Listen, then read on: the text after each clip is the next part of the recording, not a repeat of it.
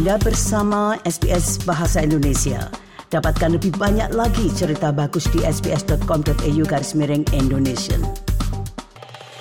Para pendengar Indonesia menjadi tuan rumah Piala Dunia usia 17 tahun. Kesempatan ini datang karena Indonesia ditunjuk oleh FIFA. Kesebelasan Indonesia beruntung karena bisa berlaga dalam Piala Dunia usia 17 meskipun tersingkir dalam babak kualifikasi karena saat ini bertindak sebagai tuan rumah. Nah, bagaimana peta dari Piala Dunia usia 17 ini? Bagaimana prospek Indonesia dan apakah Indonesia cukup mampu untuk menyelenggarakan ajang dunia semacam ini? Saya mewawancarai Fahrizal Ahmad, salah satu match komisioner atau pengawas pertandingan dari eh, Persatuan Sepak Bola Seluruh Indonesia atau PSSI dan ikuti obrolan selengkapnya berikut ini.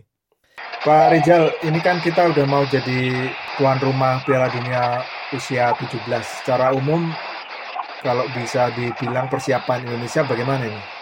Oke, mungkin kalau persiapan tim, ini kan sebenarnya tim U17 ini kan embrionya dari pemain-pemain yang kemarin juara Piala AFF di Yogyakarta ya. Ketika itu Indonesia memang juara yang sebagai tuan rumah. Di usia 16 mereka juara, saat itu final lawan Vietnam. Setelah itu tim itu masih menjadi satu, terus mereka ikut kualifikasi Piala Asia sebenarnya. Piala Asia ini adalah bagian dari tiket untuk ke Piala Dunia 17 tapi di kualifikasi justru tim ini nggak lolos tim ini nggak lolos menang sama Uni Emirat Arab tapi justru mereka kalah di pertandingan terakhir penentuan lawan Malaysia 5-1 artinya tim ini sebenarnya memang ya masuk Piala Dunia U17 ini memang ibaratnya gesek voucher lah ya. Karena memang e, notabene Indonesia yang mendadak menjadi U17 menjadi tuan rumah Piala Dunia. Akhirnya tim ini yang sebenarnya mereka kalau secara prosedural secara tim ini sebenarnya nggak siap untuk bersaing. Karena apa? Di fase kualifikasi saja mereka lolos nggak lolos. Padahal untuk lolos ke Piala Dunia ini kan sekarang minimal peringkat 4 di Piala Asia atau masuk semifinal seperti itu. Akhirnya tim ini ketika Indonesia ditunjuk jadi tuan rumah baru tim ini di, dikumpulkan lagi. Dikumpulkan lagi dan menjalani sesi trial di Jerman.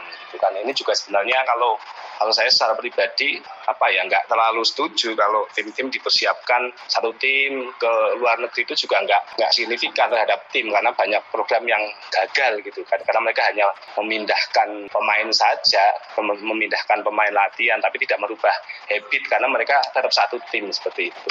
Jadi Indonesia masuk ke Piala Dunia U17 ini karena ditunjuk sebagai tuan rumah ya? Ya, memang faktor itu artinya memang Indonesia sebenarnya nggak lolos. Karena kan masuk Piala Asia, kualifikasi Asia saja kita nggak lolos.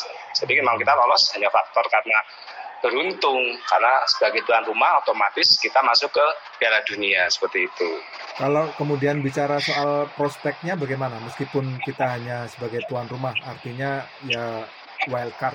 Oke, mungkin kalau berbicara tentang itu kita bisa mengukur dari tim kita sendiri dan tim uh, kontestan lainnya di di grup A.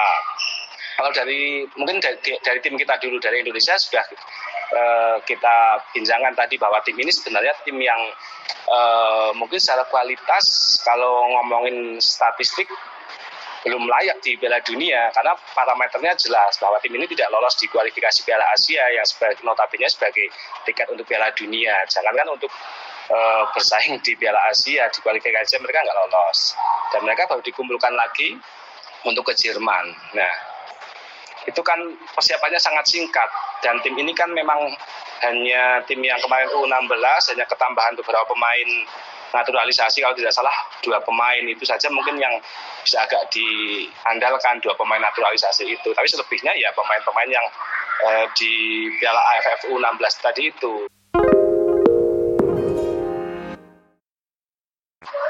Ketika tim ini dipersiapkan ke Jerman, ya seperti yang saya katakan tadi, Indonesia sering mungkin kita pernah belajar dari Primavera, dari Ferretti, dari SAD yang di Uruguay, Primavera dulu di di Itali, membawa tim latihan ke luar negeri, tapi juga hasilnya nggak terlalu baik karena itu hanya memindahkan pemain latihan saja. habit-habit mereka latihan, kedisiplinan itu juga sama saja karena mereka berlatih dengan teman-teman sendiri. Berbeda misalkan kalau uh, anak-anak ini dititipkan dua satu orang itu ke beda-beda tim, mungkin itu akan merubah uh, sikap mental mereka. Tapi kalau hanya pindah latihan saja, ya mungkin saya kira tidak signifikan tim ini akan berkembang gitu. Di grup Terus yang A, lawannya bagaimana? Ya.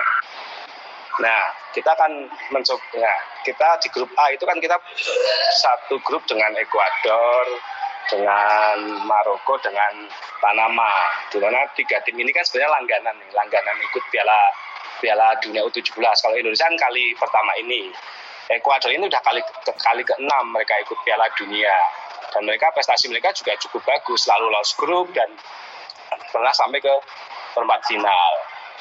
Tim satunya Maroko juga sama, mereka sudah uh, dua kali ikut Piala Dunia U17 dan pernah juga sampai lolos ke fase fase fase grup.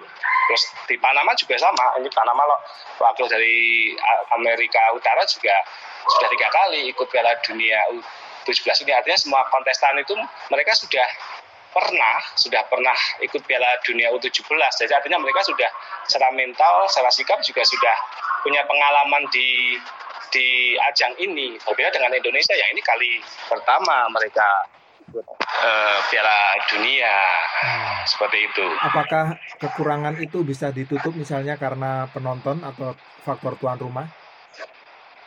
Ya saya kira paling paling memungkinkan ya hanya itu saja ya hanya uh, faktor itu yang paling bisa kita andalkan adalah faktor daya dukung tuan rumah, daya dukung supporter di Indonesia yang saya kira kalau melihat atmosfer di, di luar negeri pertandingan-pertandingan Piala Dunia di kelompok usia itu tidak banyak penontonnya.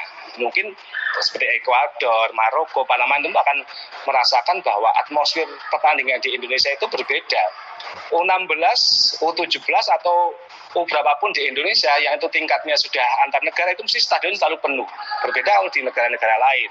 Mungkin tim-tim itu akan merasa kaget di usia 17 stadion akan akan penuh. Nah itu juga mungkin akan sedikit apa ya ibaratnya membuat lawan juga agak mungkin terpengaruh dengan itu dan mungkin pemain-pemain Indonesia juga akan merasa lebih lebih apa ya lebih semangat dan mereka mungkin experience mereka pertama kali di Piala Dunia dan menjadi tuan rumah itu juga bisa jadi itu menjadi daya lejut mereka untuk tampil di luar mungkin kemampuan mereka yang selama ini ditunjukkan seperti itu. Nah negara-negara mana yang ya.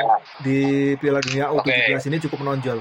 Ya jadi kalau berbicara tentang uh, home turnamen atau ini kan mesti ada pembagian grup atau pot satu, pot dua. Tentunya unggulan pertama itu akan masuk pot satu, termasuk Indonesia itu termasuk secara undian itu masuk beruntung karena dia sebagai tuan rumah dia masuk ke pot satu. Pot satu adalah unggulan unggulan satu. Ada Prancis, ada Spanyol, ada Brazil, ada Jepang dan Indonesia terhindar dari pot-pot pot satu itu karena uh, pasti kita tidak akan bermain dengan itu. Nah mungkin ya tim-tim itu yang paling berpeluang untuk menjadi juara di Indonesia karena mereka memang menempati unggulan satu seperti Brazil, Prancis, Spanyol, Jepang seperti itu. Hmm. Kalau di pot dua ada Jerman, ada Argentina dan Indonesia sebenarnya beruntung ketika di pot dua hanya bertemu dengan Ekuador seperti itu.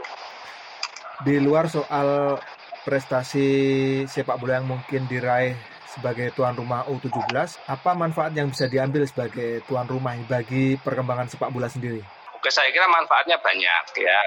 Sebenarnya Indonesia U17 ini kan persiapannya sudah lama.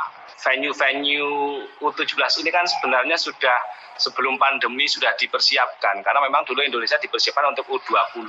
Nah, ketika U20 yang sebenarnya levelnya lebih tinggi, ketika Indonesia dengan segala dinamikanya gagal e, menjadi tuan rumah U20, akhirnya ditunjuk sebagai U17, sebenarnya secara venue sudah siap seperti Manahan, Gelora Bung Tomo, terus juga uh, JIS itu sebenarnya udah udah udah siap. Artinya secara infrastruktur enam stadion ini sudah cukup siap dan bahkan beberapa konsultan uh, merasa kaget di Indonesia ada stadion-stadion semegah ini. Para pendengar, Farizal Ahmad, match komisioner atau inspektur pertandingan dari Persatuan Sepak Bola Seluruh Indonesia atau PSSI berbicara tentang penyelenggaraan Piala Dunia usia 17 tahun yang akan digelar di Indonesia mulai 10 November sampai 2 Desember mendatang. Terima kasih, selamat menikmati akhir pekan dan sampai jumpa kembali. Sukai, berbagi, komentar Ikuti SBS program Bahasa Indonesia di Facebook.